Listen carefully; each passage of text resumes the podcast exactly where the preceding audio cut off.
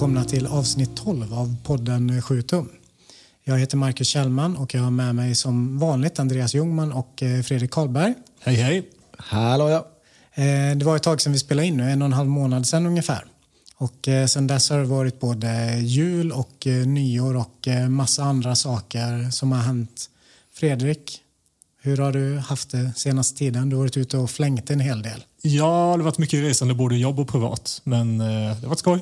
Eh, åkt lite skidor, varit i Barcelona, ska upp till Stockholm, jobbar mycket. Ja, Andy? Vänta, vi, vi, måste ju stanna upp vid dina skidbedrifter. Du sitter ju här eh, halvt eh, invalidiserad. Ja, alltså man, man, säger ju det. Man ska alltid avstå sista åket. Och eh, jag blir ju övertalad Första åket också. Ja, första åket också. Ja, Men det, det, blir svårare. Sista åket kan man ändå skippa på något sätt känner jag. Eh, jag blev övertalad av min fru då att ta världscupsbacken i stöten, vilket i sig kanske inte är... Det låter värre än vad det är, men det är en röd backe och för mig som inte stått på skidor så många år så eh, ja, slutade en vurpa i alla fall och knäckte till ett par revben. Men eh, ni är inte gifta än? Nej, jag har kallat henne frugan i fan tio år snart och vi är på sin höjd förlovade. Så, ja. ja. Eh, några incidenter i USA? Andreas, du har varit där under nyår. Ja, skadat huvudet ytterligare en gång. kan inte få nog att få massa smällar i skallen. Så att... Vi kommer att prata en hel del om eh, din eh, resa till USA idag tillsammans med Bullshit. Det är ju temat för avsnittet. Yep. Men eh, det var ett tag sedan du kom hem. Har du hunnit återhämta dig? Ja, men första dagarna var ganska okej okay, sådär. Men sen, fan, typ två, tre dagar efter, då blev jag så jävla trött alltså. Ja, alltså jag har ju läst det att man, slår man i huvudet så... Säg, säg att du eh, slår i huvudet, du tappar 10 procent. Liksom. Du, du, du, kommer inte få tillbaka den eh, liksom, kapaciteten du hade i hjärnan innan. Och eh, till slut så tar du ytterligare 10 procent, sen 10 procent, sen 10 procent. Tänker du på Staffan här till exempel. Det innebär ju att till slut så märker man inte ens en försämring utan han är ju liksom en grönsak. Vi andra som märker menar du? Jag borde, ja, men precis. Det... Jag borde nog vara det på en 50 procent, äh, ännu mindre kanske. Ja, det är mycket möjligt. Men eh, du då Marcus, vad har du gjort i vinter? Ja, jag tycker inte om att resa så mycket så jag håller mig mest på hemmaplan och åker längdskidor ute i naturen. Låt mig gissa, lite fotboll någonstans också? Ja, mycket fotbollsträningar. Ja. Det är det hela tiden. Fotbollsträningar och kupper. Det är bara att beklaga. Ja, nej, det, det är bara roligt. Jag har haft mycket tid att kolla på uh, klipp på, på Youtube från hardcore-spelningar och sånt också. Mm, det bra. Ja, och gå igenom folks årsbästa listor och hitta sånt som man själv har missat. Tycker jag också är väldigt roligt. Vad, vad skulle du säga är dina topp tre 2023 som du har missat här då? Som jag missat vet jag inte, men jag säga, mina, mina topp tre som jag upptäckt under året, det skulle jag säga att Illiterates är nummer ett ett riktigt bra hardcore-band om man gillar mer säg, Youth of Today-aktig hardcore. Sen, eh, sen är det svårt. Eh, jag tycker att 2023 var ett sådär år faktiskt. Mm, det kan jag faktiskt hålla med om. Eh, det var bättre 2021. 2022 var också bättre. Mm. 2023, ja, sådär faktiskt. Ehm, det känns som det är många band man går och väntar på att det ska komma. Så bullshit måste jag säga, det är ju inte en upptäckt men de tre låtar som de släppte strax före jul var ju riktigt bra inför för turnén. Tycker jag lovar gott inför en kommande LP. Mm. Den räknar jag ju som en 2024 egentligen. Ja, nästan. Det är lite försmak kan man säga. Ja, ja precis. Så, så kan man väl se det. Men eh, ja, jag hoppas på ett starkare 2024 än 2023. Mm. Andy, vad skulle du säga dina topp 100 då på skivfronten? topp 100? Så det, vilka, vilka var topp 100 set på FYA? För det var väl typ 300 set? Ja, det var väl snarare 40 kanske, 40-45 någonting. Ja. Eh, men jag såg ju inte allt kan jag säga. Och såg inte allt av varje band heller. Jag fick skit också för att vi drog hem och inte och sket i att se de tre sista banden eh, på sista dagen, på lördagen. Nej, på söndagen. Vilket band var det? Eh, det var det snackade vi om Kojo, um, Tsunami, Tsunami och, Military Gun. Nej. Incendiary? Ah, ja, det kan det nog varit. Ja. Ja. Något sånt. Incendiary hade jag kunnat tänka mig att se. Det andra hade jag också skippat tror jag. Ja. Ja, jag med. Ja, det är lite kul så här, för att du har ju varit hemma här i Sverige, eh, åkt skidor, men tittat på hardcore. Jag har ju varit i USA eh, och varit på hardcore-resa, men tittat på skidor. Ja, Ja. det är fint. Det, Och jag har varit och åkt skidor. Inte riktiga skidor. Men- Nu, nu snackar vi längdskidor. Precis, riktiga skidor. Alltså längdskidor, vem fan vill utsätta sig för en sån sak? Ja, Vi som eh, tycker om eh, hård träning. Precis. Men jag, jag, såg, jag, jag kan ju säga direkt det här att det här är ju snott från en sån här Instagram-reel jag såg senaste dagen när jag satt och sket. Men att, att åka längdskidor det är ungefär som det där att ta sig den lilla biten från botten av backen och till liften. Fast gånger tusen typ. Det är ungefär samma sak. Ja, vad tycker du om den resan från botten av backen till liften då? Fruktansvärt alltså. Ja. Ja, du är inte skapt för såna här tuffa utmaningar som Nej, längdskidor. nej alltså. precis. Jag har inte skapat för trikåsport kan jag säga. Du är skapad för att skita länge. Ja, det är jag. Ja. Duscha länge. Varje gång jag ser någon sån där eh, något eh, inlägg på, på Instagram, där någon reel eller någonting om någonting, någon flickvän, eller någon, någon flickvän som har en pojkvän. Nej, hur fan säger jag? En flickvän som har en En pojkvän. tjej som har en pojkvän som sitter och skiter länge. Då skickar jag det till Anna. ja, ja. ja, men det kan jag lätt säga. Det stämmer. Det stämmer rätt bra. Tar det inte en timme så får det fan. Det Jag var väntar bra. till dagen efter istället. Ja, vänta på något gott. Ja. Eh, temat idag det är ju USA-turné. Eh, och närmare bestämt eh, Bullshits USA-turné. Men vi funderar på om vi skulle försöka dra oss till minne andra svenska band som har varit och spelat i USA. Och det är ju ett antal genom åren. Men det känns som att på de senaste åren så var det väldigt få band från, om man får säga så, vår del av scenen som har åkt över och spelat på andra sidan Atlanten. Det är många band som turnerar i Europa, men inte USA. Nej. Det är ju också för att det är lite svårare såklart att turnera i ett sånt land. Eller både att få, få turnera och att kunna ta sig över liksom, allt så här logistik och... Sen så tror jag att anseendet på om en typisk svensk hardcore-punk är högre än svensk hardcore. Precis, för, för det var det, jag snackade lite om det när vi var i USA nu. Eh, just det här med varför fick, liksom, varför fick Bullshit köra den där turnén och varför fick, varför fick Bullshit spela på FOA? Och det är väl antagligen det att eh, amerikaner förknippar liksom svensk punk och hardcore med ja, men de här gamla banden, liksom Anticimex och sådär. Fast borde, Och- inte folk, borde inte folk förknippa svensk hardcore med Refused i första hand? Jo, det är också på ett sätt liksom. Men det, Det är ju ändå världens största hardcoreband Ja. genom alla tider Jo, i hela men, världen. Ja, men självklart. Men de är lite liksom ett fack för sig. För de gör ju ändå turnéer nu som inte är liksom, vad ska man säga, hardcore-turnéer. De spelar ju inte på FOA liksom. Så. Nej. Eh, så det är väl liksom att, att man, förknippar, man förknippar det med, med liksom den sortens hardcore. Sen så tror jag också att Refused, det var en väldigt begränsad period om man ska säga, inom svensk hardcore. Eh, och att man kanske ser Refused snarare som liksom ett, ett kapitel. Ja, Eh, det och var där liksom 93 till 97. Åtta. Nej, nej, nästan ännu. Ja, 98 gjorde de ju sin sista turné. Ja, just det. USA. Precis. Ja, ja, men precis. Och nu är det liksom ett, det- är som ett nytt band nu fast det inte är det. Liksom. Ja. Men det, ja. Och det, det var ju en period då svensk hardcore var, även om det har exploderat lite grann de senaste åren, så det går ju inte att jämföra med hur stort det var på 90-talet.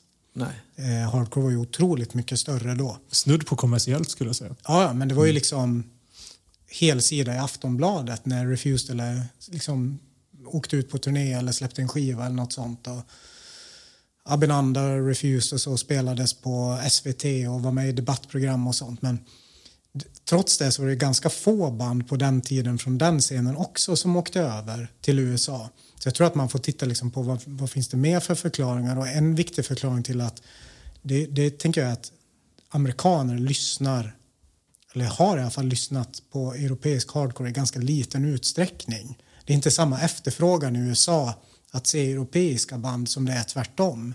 Och det bidrar till att det är svårare för europeiska band att åka över. Det finns liksom 50 band som låter som Sidestep redan. Ja, Och det finns en hel del som låter som bullshit också, men det är liksom, hypen är större. Det märker man ju på den engelska scenen också, vilka engelska band som får åka över till USA. Det är ju de som låter som, typ som bullshit, liknande. Eh, sen, sen har vi ju haft liksom nu sa vi vår del av scenen, men jag tänker de här mer D-taktsbanden. Där känns det också som att det har varit fler band som har åkt över. Ja. Och det är väl eh, från, från, från mitt perspektiv, så jag glömmer ibland bort att de banden överhuvudtaget finns. Va? Men de spelar ju för betydligt fler eller större publik än vad många av de banden vi lyssnar på gör. Ska vi namedroppa lite band som varit på USA-turné de senaste 20 åren? Ja men, För, det första jag tänker på om man senaste 20 åren, typ, då blir det DS13 och Epileptic Ja. Terror Attack. Det, det är förmodligen 20 plus år. ja. För det måste varit alldeles i början av 2000-talet.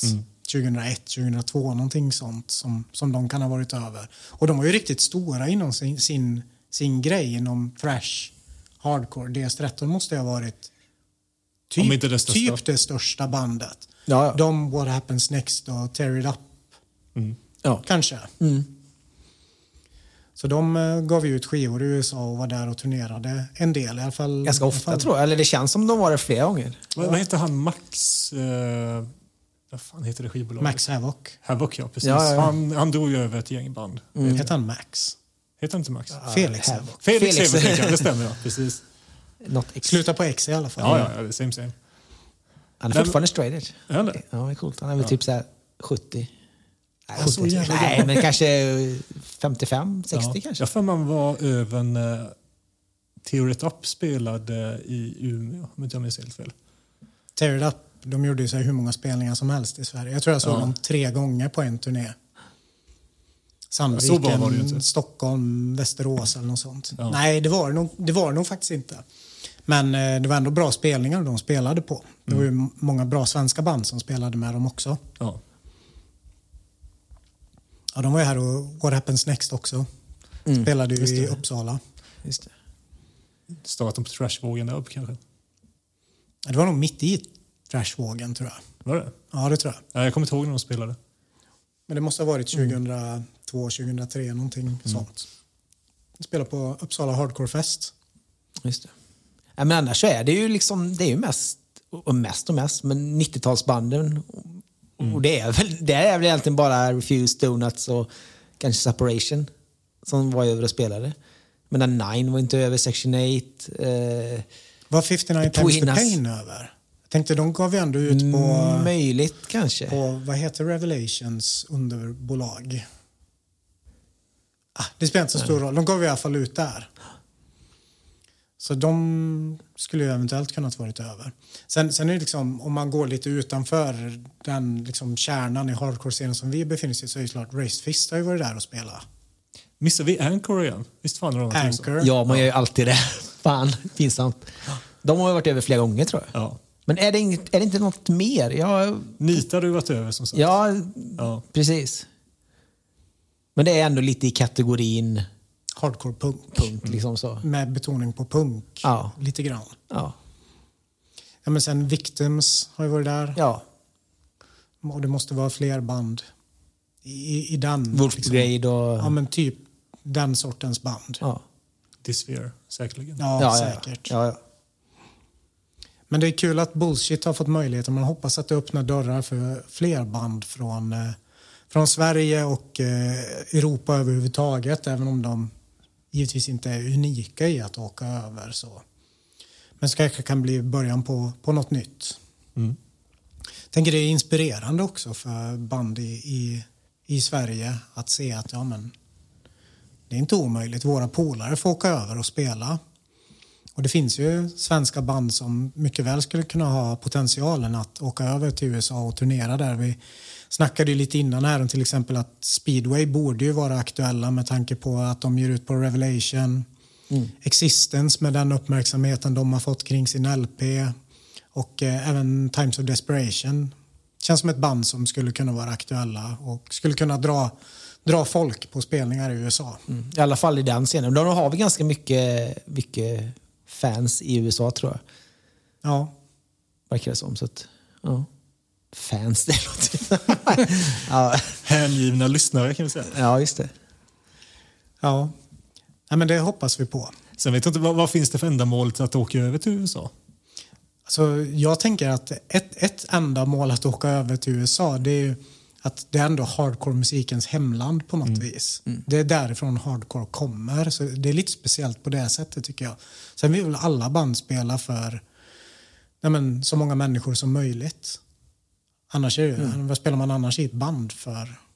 Eller ja, Mm. det kan väl finnas folk som vill spela i musik ändå. Men jag tänker att de flesta drivs av att få spela i nya städer på nya platser för annat folk.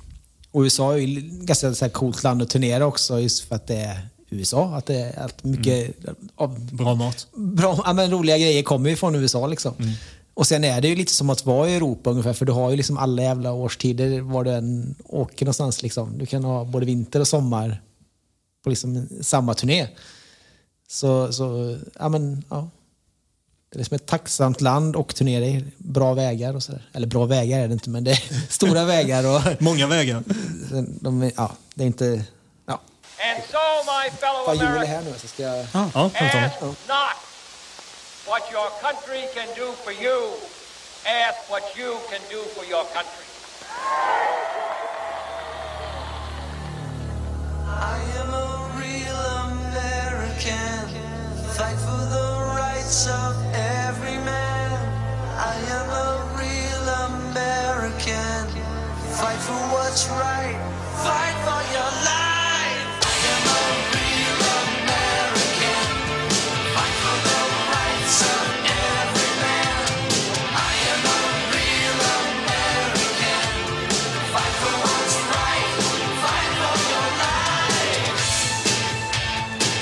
Har fått sällskap i studion av Joel från Bullshit. Välkommen. Eh, vi ska också säga att du spelar i Sidestep också, så folk känner igen dig därifrån också. Yes. Eh, du har precis varit på turné i USA med Bullshit tillsammans med Andy. Bara kort först berätta dina intryck från eh, turnén. Alltså det var över all förväntan verkligen. Ehm, jag tror inte vi hade så mycket förväntningar från första början. Ehm, Bara mer skräck. ja, bara panik över hur fan allt ska gå till och ja, men, kommer saker och ting att ordna sig.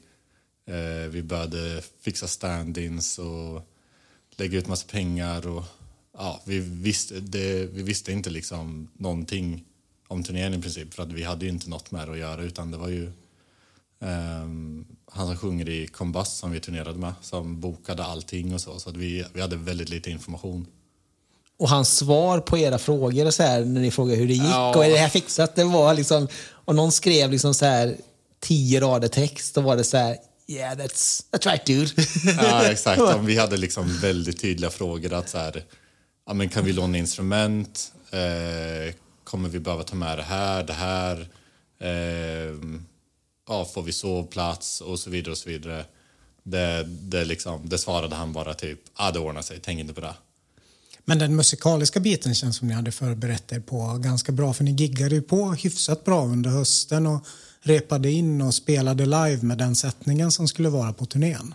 Ja, vi repade väldigt mycket med, dem, med våra stand-ins. Eh, och de fick också vara med och spela några spelningar. Eh, så att vi skulle vara så redo som man bara kunde vara i princip. Men vi repade flera gånger i veckan, veckorna innan. Ja, och även för att eh, spela in då, tänker jag också.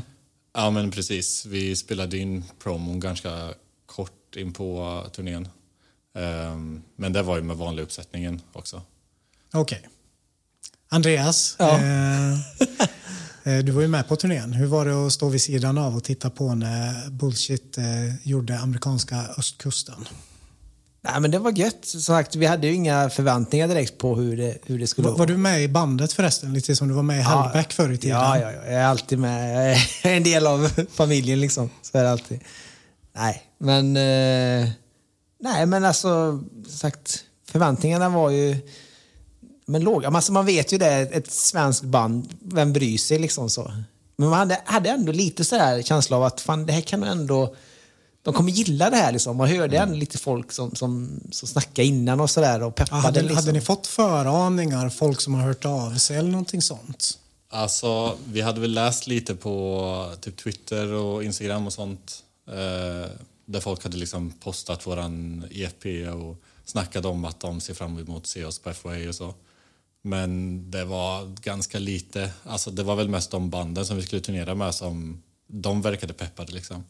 Men verkligen, eh, ja, vi hade ingen aning om hur det liksom skulle tas emot eller om någon skulle bry sig eller Nej, jag menar, hur, Någonting. hur ofta har man själv hört, hört av sig till ett band som ska komma hit på turné och skrivit vad kul det ska bli att se. Ja, Det har ju aldrig hänt liksom. Nej, nej men såklart.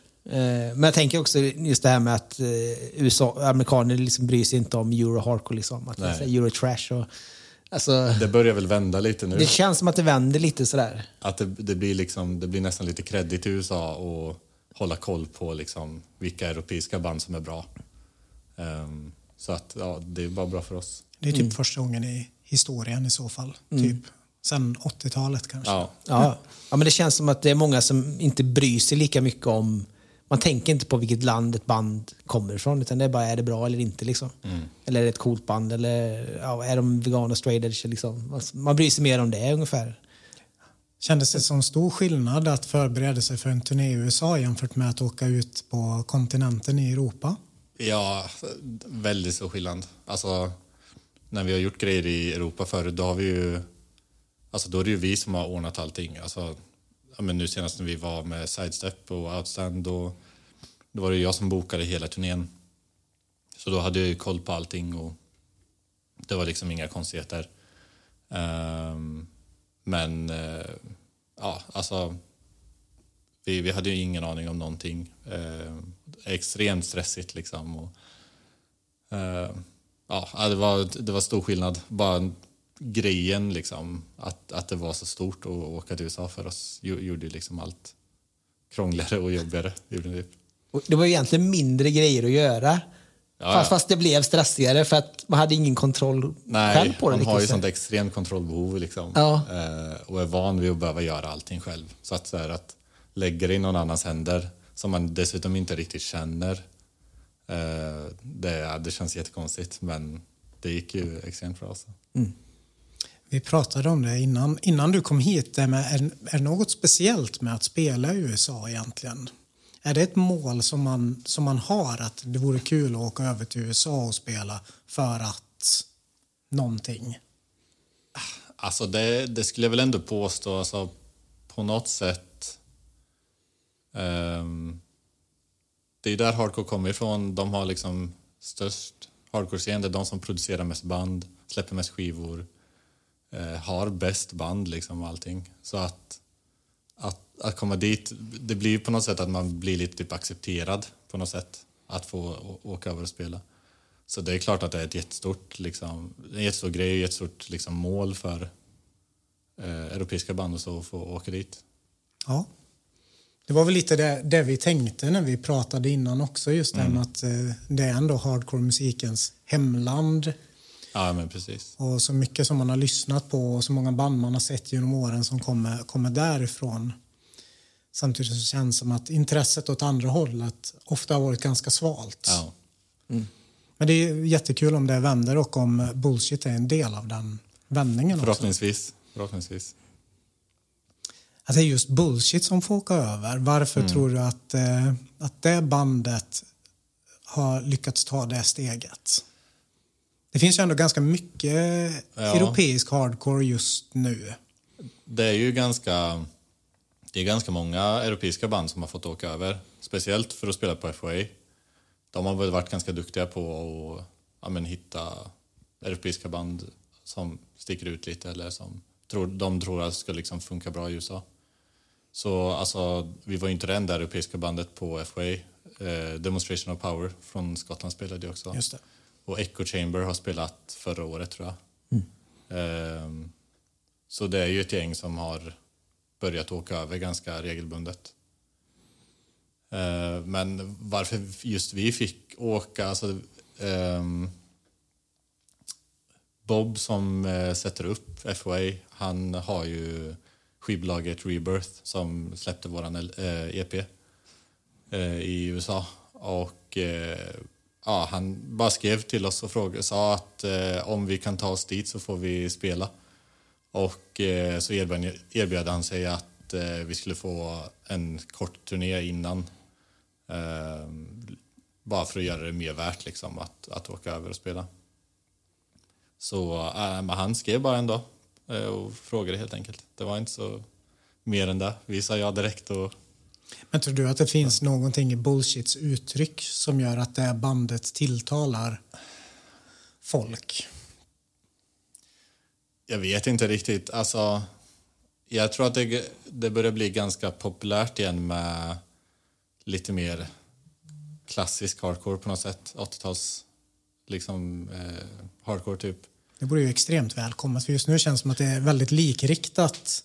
Ja, Mycket hardcore väldigt många av de andra banden eh, som spelade på FOA åtminstone spelade ju liksom ja, men, typ metalcore eller liksom väldigt polerat och ja, men, mer liksom mer metallisk hardcore. Så och, ja, jag tror bara att det, det börjar liksom vända lite. Alltså, sånt går ju i cykler hela tiden. Um, och jag tror att eh, det börjar bli mer populärt bara med den typen av hardcore. Så att ja, det, det finns ju uppenbarligen ett- intresse för det. Liksom. Ni ligger rätt i tiden alltså. Ja, men det tror jag verkligen. Det tror jag.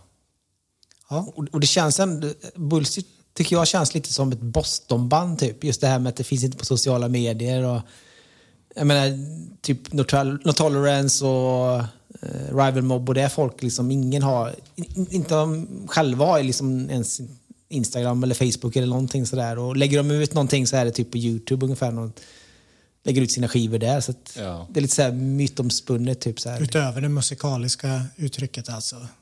Ja. Ja, och alltså bullshit är ju också lite konstigt på det här sättet också. Liksom. Det är en, ja, men bara Gabbe som gör allting. Han designar allting. Namnet är konstigt. Eh, ja, Men det var, saker felstavas hela tiden bara för att.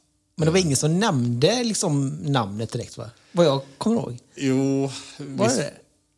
vi spelade i Syracuse. Då kom det fram någon från något annat band och sa att han tyckte vi var jättebra. och- Men han, han hade sett våran eh, sjua för länge sedan men bara inte lyssnat på det för han tyckte att namnet var så jävla dåligt. Ehm, så ja, men det, det, det var nog liksom en och annan som, som påpekade att det var ett jävligt konstigt namn. Liksom. Och så funkar man ju själv också. Jag och Andy satt och gick igenom eh, line-upen på FOA Fest. Så var det något band jag hade ald- aldrig hört talas om. Och så sa jag, utgå från att det här är dåligt bara baserat på namnet. Men så, så funkar man ju. Ja, jo så är det Men ni gjorde sex spelningar va? Eh, ja, jag, jag tror det. Ja, kan- ja. Det var väl fyra spelningar och två festivaler egentligen. Om man nu kallar Syracuse för en festival. Jag tror de gör det. Ja, Endagsfest. kanske. Ja. Nej, jag vet inte. ja. Vad, vad spelar det för? Men Nej. ja, vi, vi spelade i alla fall. Ja. Var det Syracuse som var först eller? Det var första, ja. Ja. ja. Och hur var det att komma över och faktiskt få göra första spelningen? Alltså, vi var så jävla nervösa verkligen. Eh, jag var jätte, jättenervös. Um, och så liksom... Ja, men vi hade ju inte liksom träffat någon i de andra banden än. Eh, vi har träffat han eh, Andrew då från Combust en gång tidigare. Ehm, På IP-fest va? Ja, precis. Men annars hade vi inte träffat någon från något annat band och vi skulle liksom låna massa grejer av dem. Så vi började liksom springa runt och leta upp vem som var vem och vem som skulle låna ut gitarr och vem som skulle låna ut topp och så vidare. Ehm, så ja, men det blev väldigt stressigt in, inför att vi skulle spela och ehm, ja, man var riktigt jävla nervös bara. Och, och så. Vad, betyder det någonting då att ha Andy och en massa andra kända svenska ansikten i, i publiken?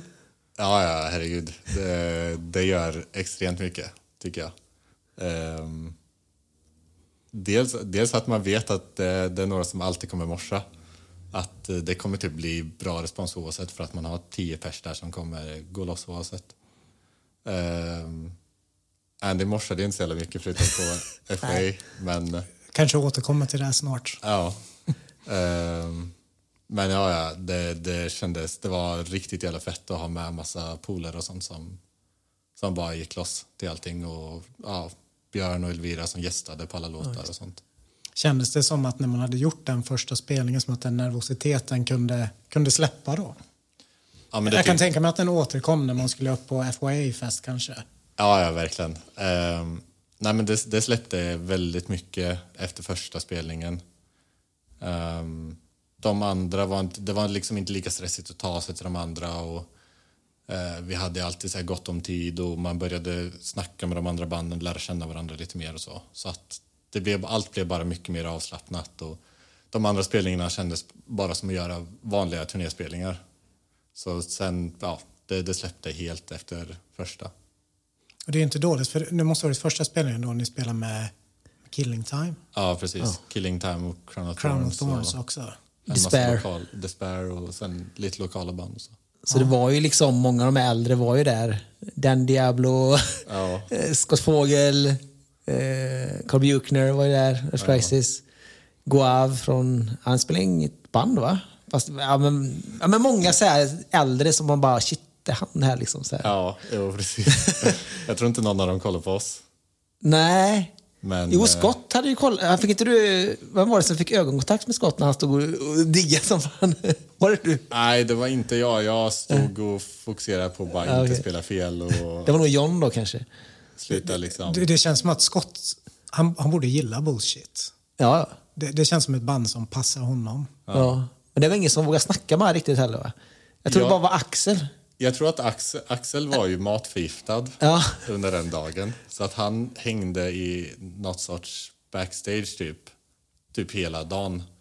Han bara satt med jackan på sig och, Ja, och såg bara helt förstörd ut. mådde skit verkligen och sen gick ut och spelade. Eh, men, ja, men många från de här andra band, de äldre banden liksom hängde ju där uppe hela kvällen i princip. Och då satt, jag vet inte om han satt och snackade lite med honom eller något. Ja, han såg så jävla förstörd ut så undrar väl Scott Ja, ja, vad, så- vad, vad, hur är det med dig liksom? Och Då berättade han att han var ja, halvdöende. Men det måste vara en, eh, någon slags höjdpunkt i ens hardcore-karriär att få, få dela scen med den typen av band. Oh ja. Alltså, många av oss såg nog minst lika mycket fram emot den spelningen som FOA. För just, just Killing Time känns som ett band som många band eller många, många, många människor sätter väldigt högt upp på sin topplista över favoritband. Oh ja. Det, det är nog många av våra eh, favoritband. Eh, men alltså spelningen i sig var riktigt, riktigt bra också. Alltså det var extremt roligt bara att få vara där och typ se hur deras scen ser ut och hur deras lokala band låter och sånt. Eh, det var ju extremt likt att gå på typ en More Panic-spelning. För det var jättemycket kids där verkligen och det var Bra blandning. Eller så här, Ja, Det var bland liksom- lite punkare, lite Ja. metalfolk, no skinhead. ja. Lite kids som har börjat ha lite hardcore-stil och lite hardcore-tröjor. Och... Men jag har fattat det när man har lyssnat på amerikanska poddar och så att det, det är lite liknande utveckling i USA. Eller, USA är så stort då, men delar av USA i alla fall som, som vi ser i Sverige att ungdomen verkligen dyker upp igen på hardcore-spelningar på ett sätt som man kanske inte har gjort på länge. Nej, men Och, och jävligt mm, coolt spelställe också. Så här, eh, jag tror att de har haft en del gig där för faktiskt. Eller jag har sett mycket filmer, men, men man har haft en del... Tyckte jag läste om att det var något polskt så här, youth center eller något sånt där. Ja, något sånt. Det var ju någon basketplan typ vi spelade på. Typ som en, eh, en halv basketplan Ja, med en korg. Liksom. En sån, fan heter det? Streetball. ja precis. precis. Ja. Så det var ju golfspelning också. Så det, bara det var ju liksom så här, lite speciellt. Alltså, se de banden som spelade köra en golfspelning. Liksom. Ja, ja det är coolt. Eh, vilka andra band var roliga att se under den här turnén? Eh, alltså Själv, de- själv är jag lite avundsjuk på att eh, ni fick spela med Grand Scheme. Det är, Ja. det är ett bra band tycker jag. Jag missade en del av deras sätt. Men eh, det är extremt bra verkligen. Men eh, alltså, jag tycker jättemycket om verkligen alla banden som vi var på turné med. Warren och Combust och All for All. Eh, de var alla riktigt, riktigt bra. Speciellt Warren skulle jag säga verkligen min grej. Um, så att ja, det, var, det var väldigt roligt att se alla dem varje kväll också. Och de var så jävla schyssta. Både med det här liksom att låna ut sina saker och att de liksom, det var inte så här med en suck utan de så här var peppade liksom och ville hjälpa till hela tiden. Och, Ja, ja, de, de erbjöd ju sina grejer hela tiden och, Ja. och liksom riggade upp åt en. Ja, och sånt, liksom, så att, Och stod liksom all, alla de var ju liksom och kollade när Bulci spelade och typ morsade. Och, liksom, ja. Det var, ja, och ja, var jävligt det skö- sköna bara liksom utanför också. Ja, det var riktigt bra band att få turnera med. Men då jobbade ni, då jobbade ni er neråt längs kusten. Började längst upp och sen Ja, precis. Vi tog körde längre och längre söderut. Syracuse och sen Brooklyn dagen efter det. Ehm, Ja, vi flög ju, flög ju till New York först då. Ja, det. så vi var ju där i, i, dagar i tre innan. dagar innan, eller tre och en halv. Eh, och det var väl ganska bra sådär eftersom man inte riktigt vet vad som händer när man flyger dit. Och kommer man in och vad fan, alltså blir det försenat och sådär. Så Ja. Då hade man ju så här buffert liksom och kunna liksom bara ta det lugnt och vila upp sig. Och, Det är någonstans här jag tänker att Fredrik börjar bli intresserad av, av mat. hur, hur var pizzan i New York? Hur var, har ni käkat någon bra falafel eller något sånt? ja. Eh, pizza åt vi, det åt vi en hel del. Ja, men det, vi var ju på någon som hade både veganpizza och vanlig pizza ute i Williamsburg tror jag, i Brooklyn. Ja, det var vi- spel, när vi spelade där va? Ja, det också. Då- men ja. det var ju första dagen tror jag. Vi, vi var ju Vad det här området. Ja, men det är Williamsburg. Jo, jo, precis. Vi, käk, vi käkade på en pizzeria där ja. Och så han, köpte vi alkoholfri champagne Just det. och skulle, skulle skåla på, på nyår. Och den jävla flaskan åkte med ända till sista dagen. Ja. Och jag vet inte hur många gånger vi tappade ur den i bilen och i, i marken och den höll fan hela tiden. Liksom. Ja. Ja, vad, vad fan käkade vi mer? Ramen käkade vi jävligt bra. Ja. Veganska ägg hade de. Väldigt gott. Ja, ja, det var riktigt nice. Italienskt på nyårsafton. Ja. På Sopranos. Eh, en italiensk restaurang som var både kött och veganskt. Både, ja, men mycket pasta såklart och Mm. jävligt goda efterrätter och sådär. Så det var nice. Så kände vi oss eh, jävligt tunga. Ja, precis. Det, som fan. det, var, det var riktigt bra. Och vi var på en sportbar också. Det var ju nice. Det var Ja, kvällen det. innan vi där. var och kollade på någon NFL-match. Axel eh, älskar ju amerikansk fotboll så han ville se, det var Exakt. Dallas mot... Det var ju beklagligt för er andra för det är så jäkla tråkigt. Det var ganska kul när vi väl satt Alltså, där. vi förstod ju ingenting. Han fick ju förklara allting för oss. Vad som hände och hur poängen fungerade och allt. Och Andy la sig i någon soffa och låg och kollade på telefonen. John la sig i en soffa och, och sov hela kvällen tror jag där inne. Efter maten. Där. Eh, ja, men vi, vi beställde in så sjukt mycket mat verkligen och alla blev helt förstörda. Ja, fy fan. Det var så jävla starkt. Och... Promenerat hela jävla dagen och hade gått till Times Square och var liksom helt förstörda av allt folk och bara kaos överallt. Ja. Andy vägrade använda Google Maps och ville bara känna sig fram i stan hela Jag bara, tiden. jag bara så här sträcker upp ett finger och bara, men det är det här hållet vi ska åt och det här känns rätt. Och... Typisk gubbe. Ja, Ja, ja, verkligen. ja. Ja, tillbaks till, till spelningarna, men vi håller oss till maten ändå. Som jag fattat det så får man ju noll käk på spelningarna. Ja, Ja, ja. exakt. Ja, men det, det är ju standard. Det är så har det alltid varit. Eh, Europa får man alltid käk och i USA får man aldrig. Och vi fick ju inte mat någon dag liksom. Nej, mat och sovplats brukar ju vara ganska standard i Europa. Men eh, där var det ju bara att bränna till Taco Bell och kolla hotell. Ja, det, var, det var inte lika eh, kulinarisk eh, resa sen. Nej, nej när, när vi väl var ute på vägarna lite så, jag tror vi käkade Taco Bell varje dag. Ja. Nästan alla måltider. Pro- Problemet är ju där då, då kanske man, man kör bil hela jävla dagen, kanske äter någon gång på vägen eller så äter man när man kommer fram där man ska spela. Och så vet man att ja, men det blir ingen mål på spelstället. Eh, vi checkar nu vid fem, så ska man vara där kanske vid sex, och så insläpp sju och sen är det... Det som är bra där är ju att banden ofta spelar ganska korta set och det är kort emellan banden också. Så att är det typ fem band så håller det inte på till tolv utan det håller på liksom... Lite som eh, Göteborg alltså. Ja, men precis. Fast ännu liksom snabbare mellan Ja, det var banden. extremt snabbt mellan banden. Alla drog av sina grejer och sen var det bara på med nästa och köra så snabbt som man bara kan. Men så har det väl alltid varit i USA. Ja, Ja, jag, Floor Punch, Ja. när de var över så att men i USA det får vi spela åtta låtar så Ja. är liksom av scen. Ja. Ja, det är ofta en curfew. Liksom. Antingen att det är, det är på en bar så ska det vara annan, liksom, det ska vara diskotek eller någonting efteråt. Eller så får det inte vara ljud eller sådär efter en viss klockslag. Och sådär, så att, eh, eh, nej, men så då blir det ju mat typ ja, man riggar av och packar in i bussen och drar sen. Eh, och då blir det ju käk på vägen någonstans och vid typ så här 11-12. Ja, ja. Och då var jag öppet liksom. Och vi, vi märkte ju ganska snabbt där att det enda som, som funkar är typ Taco Bell och köra drive-thru för att man- man får inte gå in någonstans. Allting är liksom stängt så här. Det är väl typ Dennis och de här som har... Ja, och typ hälften är veganer. Ja, Så då, ja, då började man hitta något som hade veganskt också. Ja, och ändå funkar. Ja, det är ju Taco Bell som har det i princip. Var, var responsen bra på alla spelningar? Är det någon spelning, om vi bortser från det någon spelning som sticker ut lite extra? Um, om man bortser från FOA och kanske också Syracuse så skulle jag väl ändå påstå att Atlanta kanske var vår bästa spelning. det känns så ja.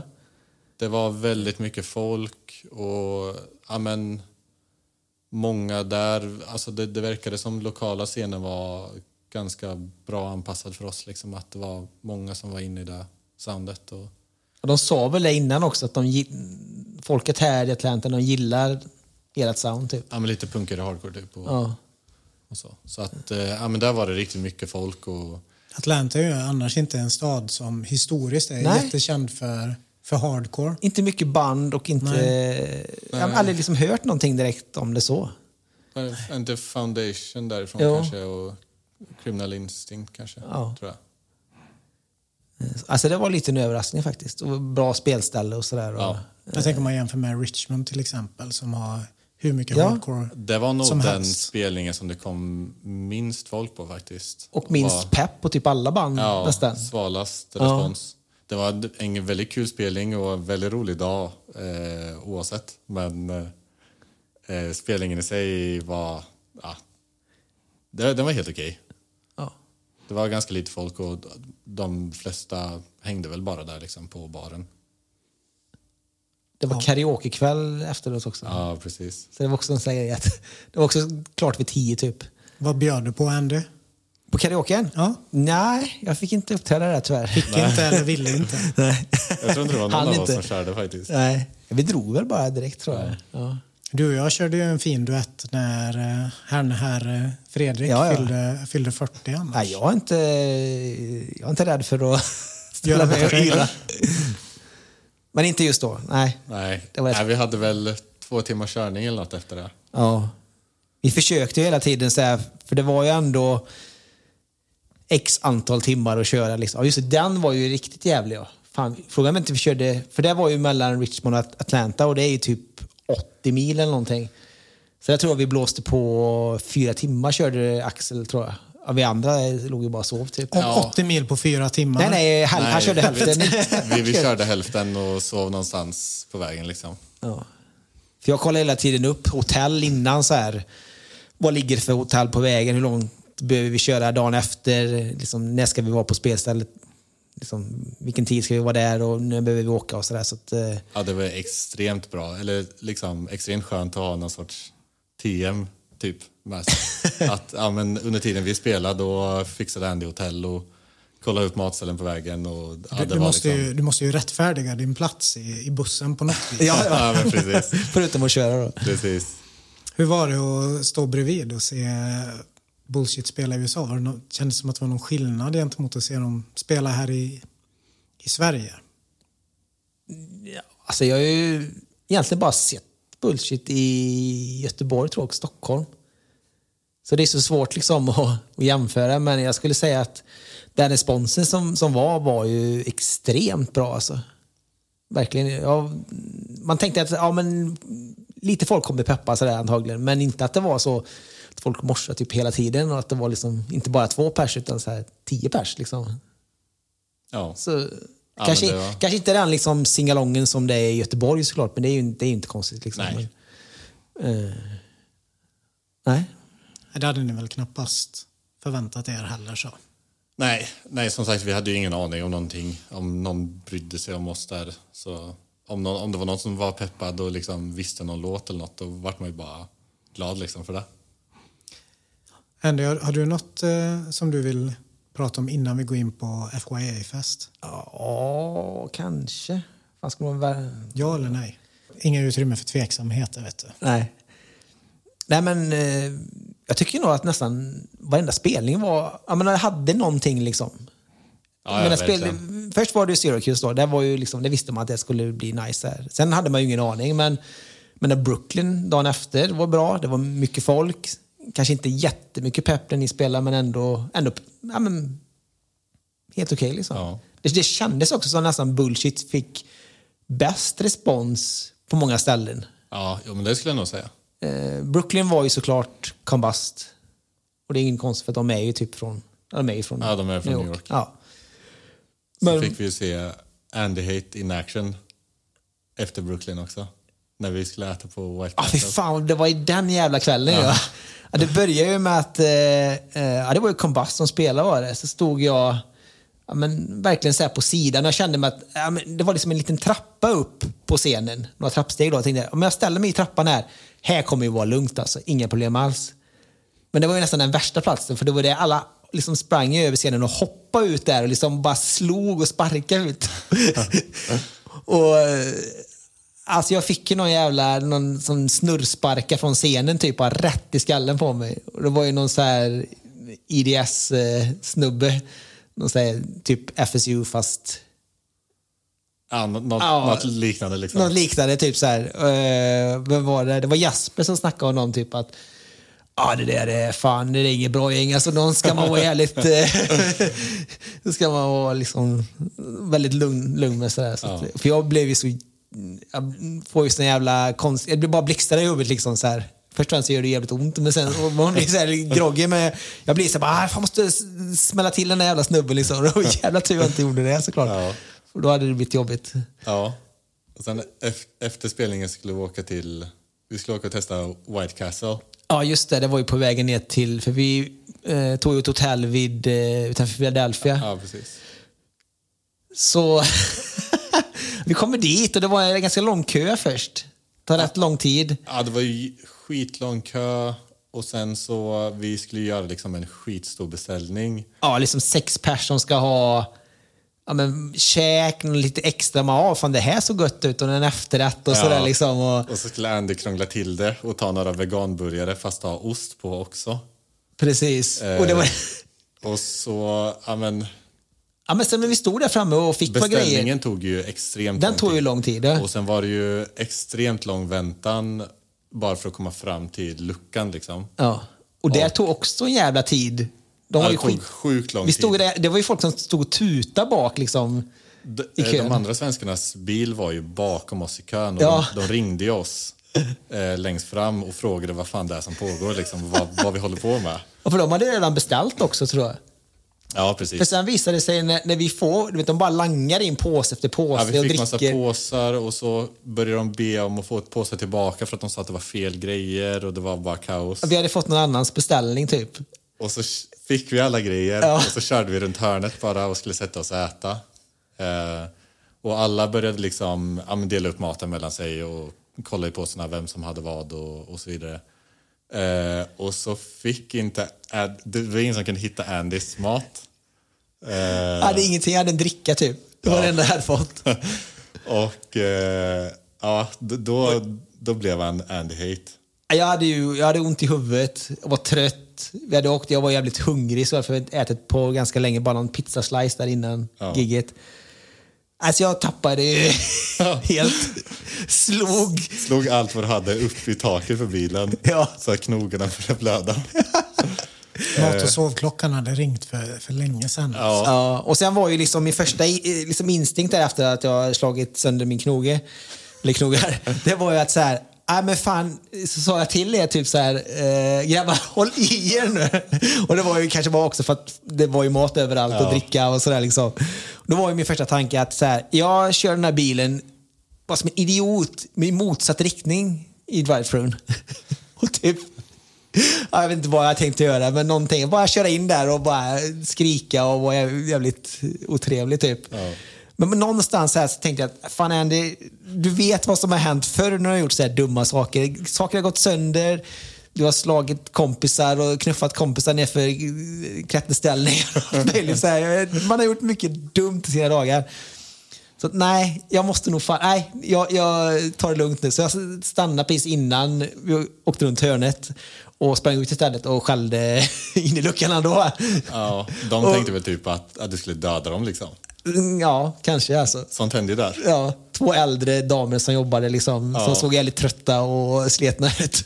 Ja, och vi andra sitter kvar i bilen och det är liksom helt knäpptyst verkligen. Eh, ja, vi, vi fattar typ inte vad det är som händer. Och Men, sen, men nu fattar ni alltså Andy Hate. ja, ja, Annars, o- är det, o, ja. annars är det obegripligt. Va? Ja, ja, från att gå till liksom en gullig liten gubbe som bara ja, traskar runt i New York och letar sneakers så ja, han vart han vart en helt annan person liksom. Ehm, men så är jag och Gabbe sitter längst bak och så är en- jag tror Gurra ber om att få ketchup eller något.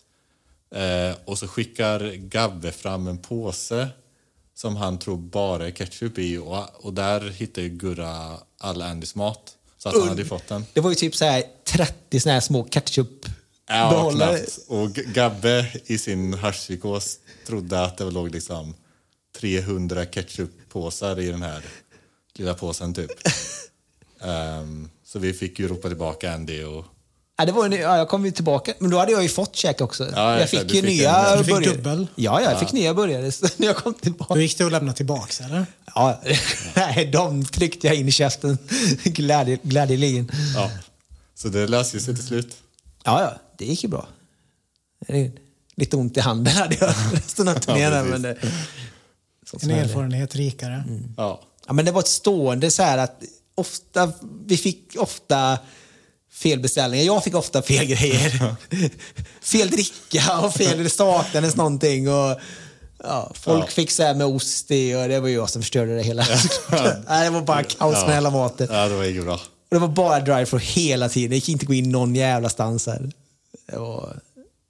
Ah, sånt jävla u-land alltså. Ja. På den Kände, punkten. kände du hemlängtan? Ja, då kände jag lite så här att, uh, ah fan nu, nu får det vara nog liksom. Nej då. Bra, bra tour manager. Ja. Precis. Ja. Rit- Eller Jackson vill jag inte snacka om. Nej. Direkt så. Är det något att säga om Jacksonville? Vet inte. Att det var ju lite skumt ställe. Ja, alltså vi hade väl bara inga förväntningar. Det var ingen som visste något om den scenen. Ingen som visste något om banden som skulle spela. Nej. Och så var det ju, förfesten var ju på FYA också. Ja, samma precis. dag. Och det är ju inte jättelångt från, det är typ tre timmar mellan Ja. Jacksonville och, och Tampa. Vi, vi tänkte väl att det kommer inte vara någon där för att alla kommer redan ha åkt till Tampa. Ehm, och sen ett av banden vi turnerade med skippade den spelningen för att åka direkt till Tampa också. Ehm, Just det. Men eh, All for All var det som... ja, de, de struntade i det. Ja. De skulle åka och möta upp sina flickvänner tror jag. Just det, ja. Faktiskt. ja. Men då tar vi FYA-fest istället. Eller? ja. Ja. Ja, den var ju lite... Nej, det kanske inte var något intressant, jag vet inte. Man måste ju inte recensera Nej, men jag tänkte bara... varje spelning. Liksom. nej, men, nej, jag tänkte bara mer... Det var Eh, en bra spelning. ja. Sossa eller hänga på men... ja, det var ju det var en nice spelning, nice ställe liksom. Och så här. Sen var det jävligt skumt runt omkring där. Så. Ja. Det var ju lugnt när vi kom dit. Det var, så här, det var lite bar, lite någon second hand-butik, någon sneakersaffär. Det kändes lite som så här... Ja, men gemytlig liksom så här shoppinggata nästan. Så här. Ja, men så var det väl typ nästan lite överallt Ja. vart vi spelade. Att så här, ja, men vi spelade på någon så här jättegentrifierad gata i alla städer. Liksom. Ja. Och så skulle vi, ja, men de flesta dagarna så tog vi ändå typ en promenad runt området. Ehm, och så gick man fem steg ifrån den gatan och så vart det helt, det vart liksom mörkt och urbrända bilar och liksom eh, Men jag kommer ihåg jag var på någon festival i Orlando 2009 eller något sånt. Det var samma grej. Man gick genom centrum och det kändes som wow, det här är ju typ världens finaste stad. Och så skulle jag gå till området där spelningen var. Och det var ju liksom bara ja, men bort en parallell gata så var det ju, det var ju värsta slummen. ja, Uteliggare överallt som gick och bar på sina kartonger och, och sånt där. Ja. Och, men det är ju, Florida är ju känt för att det, ja, men det, är, det är varmt där också. Så många hemlösa söker ju sig dit såklart. Liksom, Ja. För att det är liksom bra klimat och sådär. Och sen, jag vet inte, det är bara jävligt jävligt fattigt och Ja, ganska sunkigt ställe. ganska sunkigt. Det, det säger de själva också. Att Ja, Det är bara skit där nere. Liksom. Varför, varför liksom, Tampa kan man inte åka till. Det, är bara, det finns ingenting där. Liksom. Vi, och vi frågar ju så här, folk från Jacksonville också, vad, vad, finns, finns det något nice här? Liksom? Så här, bara, Nej, det är bara en jävla skitstad. Alltså, det var ett värdelöst där. Liksom. Och, det, man märkte sen eh, när spelningen, ja, efter spelningen framförallt, liksom, då det var mörkt och sådär. Och då liksom, då kröp ju de här, det var ju någon buss utanför Mariana, typ som en hemglassbil ungefär. Så stod och sålde. Ja, och sen hängde det ju massa uteliggare och, och, och liksom pundade runt där. Liksom, Skitskumma människor liksom, som bara kröp fram så här efter åtta på kvällen. FYA. Ja. FYA Fest måste ju ändå vara på något vis huvudnumret på turnén. Oh ja. Eh, hur kändes det att gå upp på scen där? Ja. Det var så extremt... Jag har aldrig, aldrig varit så nervös i hela mitt liv, ärligt talat. Alltså. Nej, det var inte så att ni spelade först heller, utan ni måste Nej, ju hunnit var se väl fjärde några eller band. femte band eller något sånt. Ja, det var nog fjärde. Ja. Ja. Ehm, så man stod liksom och bara hade ångest och kollade de banden innan och sprang fram och tillbaka till merchen och försökte kolla så att man hade koll på alla sina grejer och ja, men gjorde oss liksom redo på sidan av scenen, började stämma instrument och allt. För att man hade fem minuter på sig mellan banden att byta. Och Jag, sen tänk, hade- jag tänkte, för det är så jäkla många band. De måste ju ha ett supertajt schema för att det ska funka. Ja, på papper i alla fall. Sen det drog lite över tiden. Eh, båda dagarna tror jag. Men, eh, nej, men fem minuter att byta band och sen 15 minuter att spela var väl ganska standard för alla band förutom de sista fyra, liksom de större banden. Eh, så att vi stod ju bara hade ångest på sidan av scen och liksom stod redo med gitarr och allt. Eh, Och visste ju inte när Combust och de skulle komma heller riktigt. äh, men det hade vi gjort Lite Det hade vi gjort klart eh, dagarna innan. Så att de, de liksom skulle vara på plats innan oss Ja, eftersom vi skulle låna deras grejer. Um, nej, men äh, det var extremt äh, ångestfyllt verkligen. Ehm, ja, sen var det bara att gå upp och spela liksom. Alltså, det, är inte, det är inte mer att göra än det. Släpper ångesten under tiden man spelar. Ja, men det skulle jag ändå påstå, alltså, det- eller för mig gjorde det åtminstone. Eh, man får bara tänka på något sätt att det bara är att köra och så går det som det går. Och man får liksom göra en så bra spelning som man bara kan. Någonstans ska man ju liksom kunna ta in ögonblicket också. Ja, det, det tror jag fan inte jag gjorde. Alltså jag, det kändes som man gick av scen och inte fattade vad som hände eller kom ihåg någonting av de 15 minuterna. Liksom. Jag tror säkert att ganska många av de som lyssnar på er har ju sett, sett sättet vid det här laget. Ja, precis. Och eh, man såg ju att ni fick riktigt bra respons. Ja, men det skulle jag påstå. Det var ganska mycket. Det var ju liksom såklart alla svenskar eh, som var inne i morse och så, men det var många, många amerikaner, folk som vi inte, alltså vissa som vi hade sett längs med vägen som kanske gick på någon av spelningarna innan och sen flög ner. Eh, men ganska mycket folk som vi inte hade sett innan och det var ganska mycket folk som kunde låtar och alltså sjöng med och sånt. Så att uppenbarligen så hade folk kollat upp det innan och var taggade liksom. Ja, Andy, du fick lite feeling där ett tag också. Jag hade ju lovat John att Ja, ja precis. och röra lite på mig. Men jag fotar ju varje gig och sådär. Så att man är liksom, och så, ni spelar ju liksom en kvart också. Så att det är inte mycket tid att liksom göra det man ska göra. Liksom, under. Så att, eh, men jag hann med lite grann i alla fall.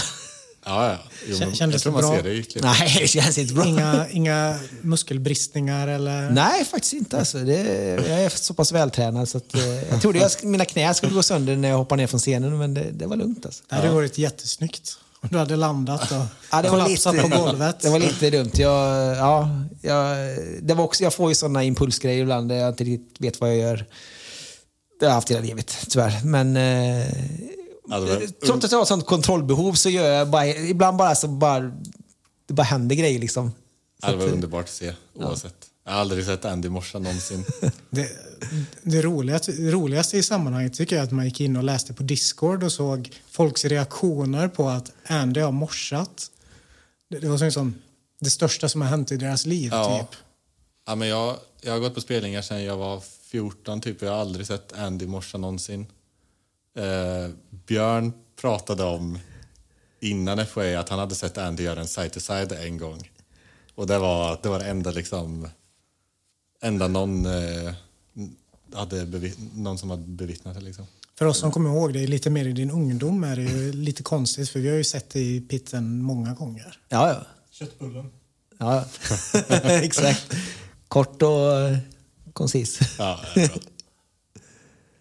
Vad, efter att ni spelar, spelat i USA nu är det många som har som gett er positiv respons efter giggen, kommit fram och snackat med er och Eh, jo, jo, men det... Så är det ju. Alltså, det, man märkte ganska snabbt att, speciellt på sociala medier och så, och speciellt efter att eh, sättet på, från Syracuse och sättet på FOA kom ut, så ja, men, folk sig mer och liksom... Eh, ja, bara folk liksom intresserar sig och ja, börjar följa en och kolla in andra band som vi har och liksom... Mär- Märker man det på till exempel spelningar på Spotify? Det har jag inte koll på så, men det, det är nog... det är nog bara Gabbe som vet det. Jag tror han är den enda som håller koll på det. Men eh, är bara liksom folk som hör av sig och säger att, att de såg en i USA, att det var fett och eh, att de vill att man ska komma tillbaka och, och liksom kommentarer på eh, videos och sånt. Är det, är det många som är nyfikna på svensk hardcore? Ehm, ja, jo, men det skulle jag väl påstå. Eh, det, är väl, alltså, det är väl inte så överdrivet mycket frågor om så här, vad har ni för andra band och så vidare. Men vi tog liksom alla tillfällen vi kunde få till att bara prata om andra band och prata om eh, scenen i Göteborg och så. Ehm, speciellt liksom när man hängde runt med så mycket andra band på typ FOA och så. Ehm, så tog man ju liksom tillfäll- tillfället i akt och ja, visa Mora Panic och allt sånt för alla man kunde. Och Gabbe snackar ju på scen hela tiden så här om Mola Panic och Flubber scene och, Ja, och nämnde band. alla, och, alla band och, Ja. och sånt. Och så- All, liksom vi hade på oss Mora Panic t-shirts och Bound to Break t-shirts och Dogfight och allt sånt. ja.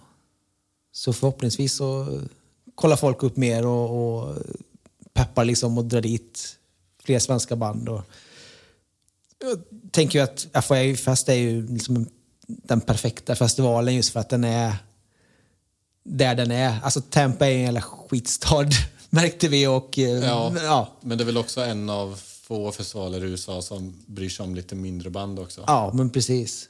Som inte bara, som, ja men majoriteten av alla band som spelar är ja, gan- ganska s- små band liksom. Ja, och folk var ju verkligen där från första bandet också. Det var ju inte liksom fullsatt, men det, det var ju jäkligt mycket folk. Sen tog det ju tid att gå in också, för att det var ju var mycket folk som skulle in och det var ju massa vakter som skulle känna igenom liksom väskor och mm.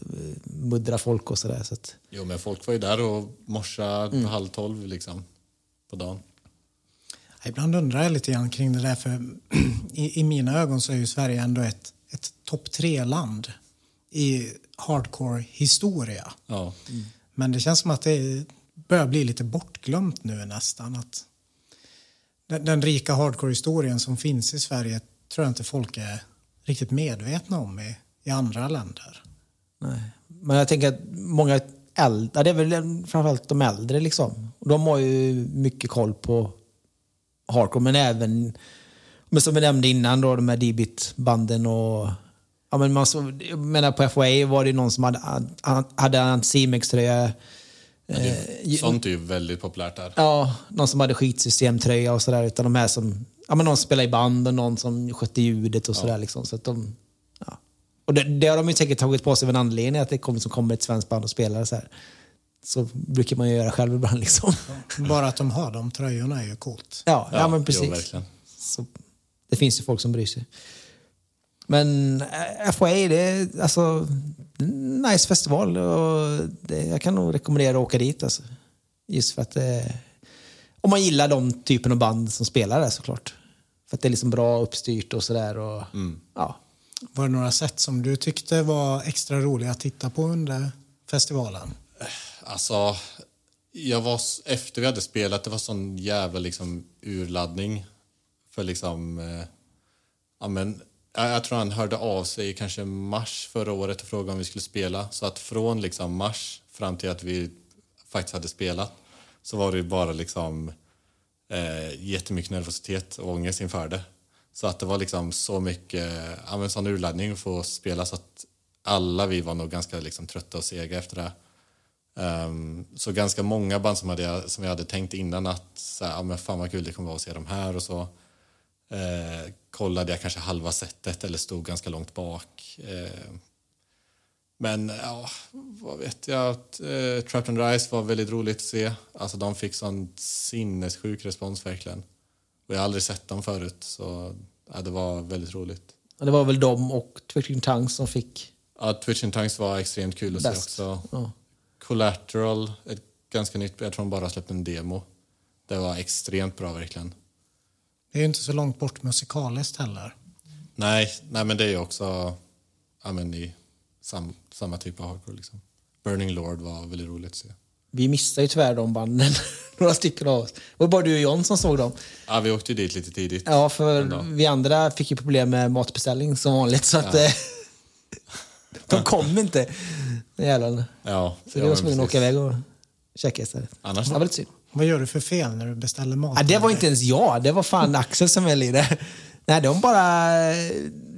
Det var väl bara stället som tog så lång tid på sig. Ja, det tog typ en timme innan liksom beställningen var klar. Och sen när beställningen var klar, då får vi ett meddelande om att, helt plötsligt att nej, det är ingen som vill köra ut den här beställningen.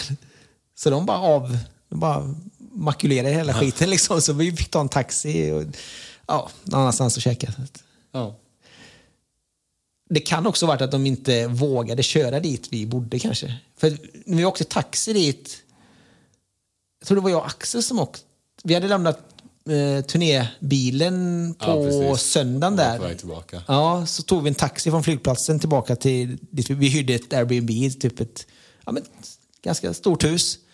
Eh, så när taxichauffören kör in där på gatan så bara frågar han så här, är ni säkra på att det är här ni ska av? Så här. Det var, och vi bara, ja, ja alltså, jag är helt säker, vi, det är den här adressen. Så här. Bara, alltså, det här är inget bra område, alltså, jag vet inte jag vågar släppa ut det här. Sen på natten när vi skulle sova var det ju pistolskott och grejer som man hörde Ja, just det. utanför någonstans. Och den där festen som var jämte i någon, vill, någon villa där Ja. med massa småbarn. ja, det var så Ja, det jävla... var skumt.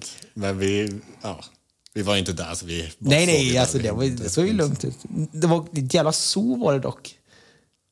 Ja, höns och getter. Det var, hön, det var höns och katter överallt. Det var ju hon som bodde mitt över gatan. Någon, någon tant som sa att hon var pirat. Hon hade pirathatt och grejer. Och hade så här halloween-dekorerat huset liksom till, till max. Ja. Hon hade ju typ så här, jag minns tio katter som sprang runt där. Det var säkert mer. Varav några var svinfeta. Så jag stod där och filmade så här och såg inte henne. Så hon bara, hej hej! Nej, men eh, det är mina katter det här. Och, och några är lite tjocka så där, men det är för att de eh, har blivit Då- kastrerade. Dålig ämnesomsättning eller? Jag vet inte. Det är amerikanska katter. Nej, så det var lite. Och sen så, ja, så var det tuppar överallt också. De bara sprang överallt på gatan. Ja. Skitkonstigt alltså. Och så såg vi en kille med, med, en- med en get också. Jag och Axel skulle lämna eh, turnébilen då, eh, på, på söndagmorgonen. Eh, och så var vi tvungna att tanka upp bilen då innan man lämnade den. Så vi åkte till, till en mack som låg ganska nära flygplatsen. Eh, och jag eh, hoppar ut där och ska tanka och Axel går in och ska handla någonting och käka och dricka och sådär så bara när jag står och tankar så bara ser jag en snubbe komma gående med en get i koppel. Bara går fram till macken, till kiosken, eh, knyter fast den här geten utanför kiosken, går in, handlar lite grann till sig själv och så dricka och sådär och en chipspåse till geten, geten som man kommer ut och matar den med. Och sen bara, när geten har käkat klart så knyter han upp och så går iväg med geten hemåt igen. Helt normalt. Ja. Ja. Eh, Det var ju inte alla från liksom, originaluppsättningen som var med på turnén. Varför, hur kommer det sig? Um, ja, men Josef som spelar gitarr, han hade väl inte råd att åka med. Ehm, det är ganska mycket pengar som man får lägga ut innan på flyg och hotell och allt sånt där. Så eh, men han hade inte råd så han kunde inte åka med. Eh, per som spelar trummor, han är så jävla flygrädd. Så att han, eh, han vill väl inte liksom signa upp på att åka och, och alltså flyga över Atlanten och spela i USA när han inte visste om han ens skulle kunna ta sig på flygplanet. Typ. Um, så ja, men John från Sidestep Outstand fick spela trummor istället. Han har ju hoppat in förut. Um, och Gurra från Outstand spelade bas istället för mig och jag spelade gitarr istället för Josef. Mm. Ja, det är ju en ganska som, bra resa att göra. Dit var det ju i alla fall bara en mellanlandning, men hem var det liksom, vi flög från Tampa till Detroit, till Amsterdam, till Göteborg. Så det är liksom lång tid, många byten, Ja, lång flygtid liksom överlag. Så, här, så man förstår ju så här att det är lite... Ja, vågar man inte flyga så är det ganska jobbigt. Så där, Ja, ja, påfrestande precis. liksom. Och, eh, mycket landningar och lyft i planet. Precis. Ja, sen var det ju ett gäng till som var med också, som jag nämnt lite grann. ja precis. Ehm, Björn och Andrea, Elvira, Jesper, Jakob. Vilka var det mer? Andreas.